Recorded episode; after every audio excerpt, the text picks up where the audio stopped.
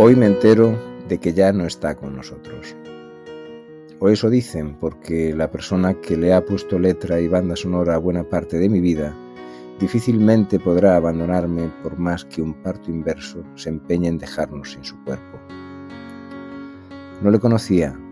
nunca le conocí personalmente, aunque creía comprender, imagino que igual que muchos otros devotos,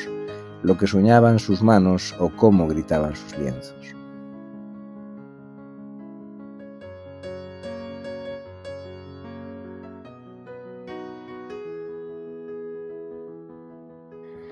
Hace treinta y tantos años que adquiría un disco suyo. Lo hacía con grandes esfuerzos y en formato cassette, porque en casa, que éramos muy humildes, no teníamos tocadiscos. Llegaba aquel nudo después de asistir a un concierto en el que, a pesar de las pésimas condiciones acústicas, en aquellos tiempos tampoco sabíamos ser muy exigentes con esto,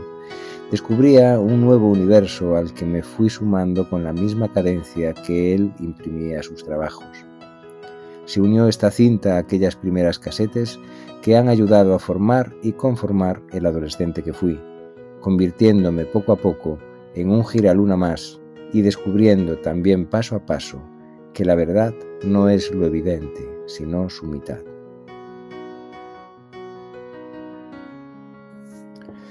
A través suyo, el adolescente descubrió a Helderling, Celan o Trifot, empatizando rápidamente con aquel Antoine Duanel que corría para ver el mar por vez primera.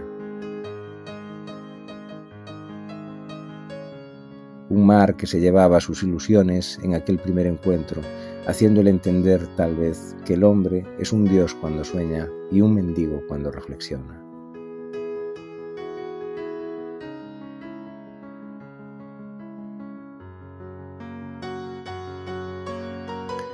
Fue así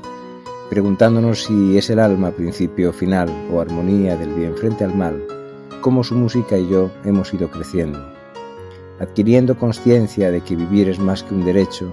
y de que las cicatrices no ayudan a andar. Aprendimos que todos los caminos conducen a Roma, algunas veces abrazando mis propias mentiras y otras veces explorando la aventura de los limones salvajes del Caribe, pero siempre, siempre hasta el momento, enlazados cuerpo a cuerpo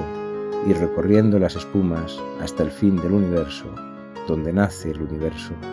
cuando estalla el universo.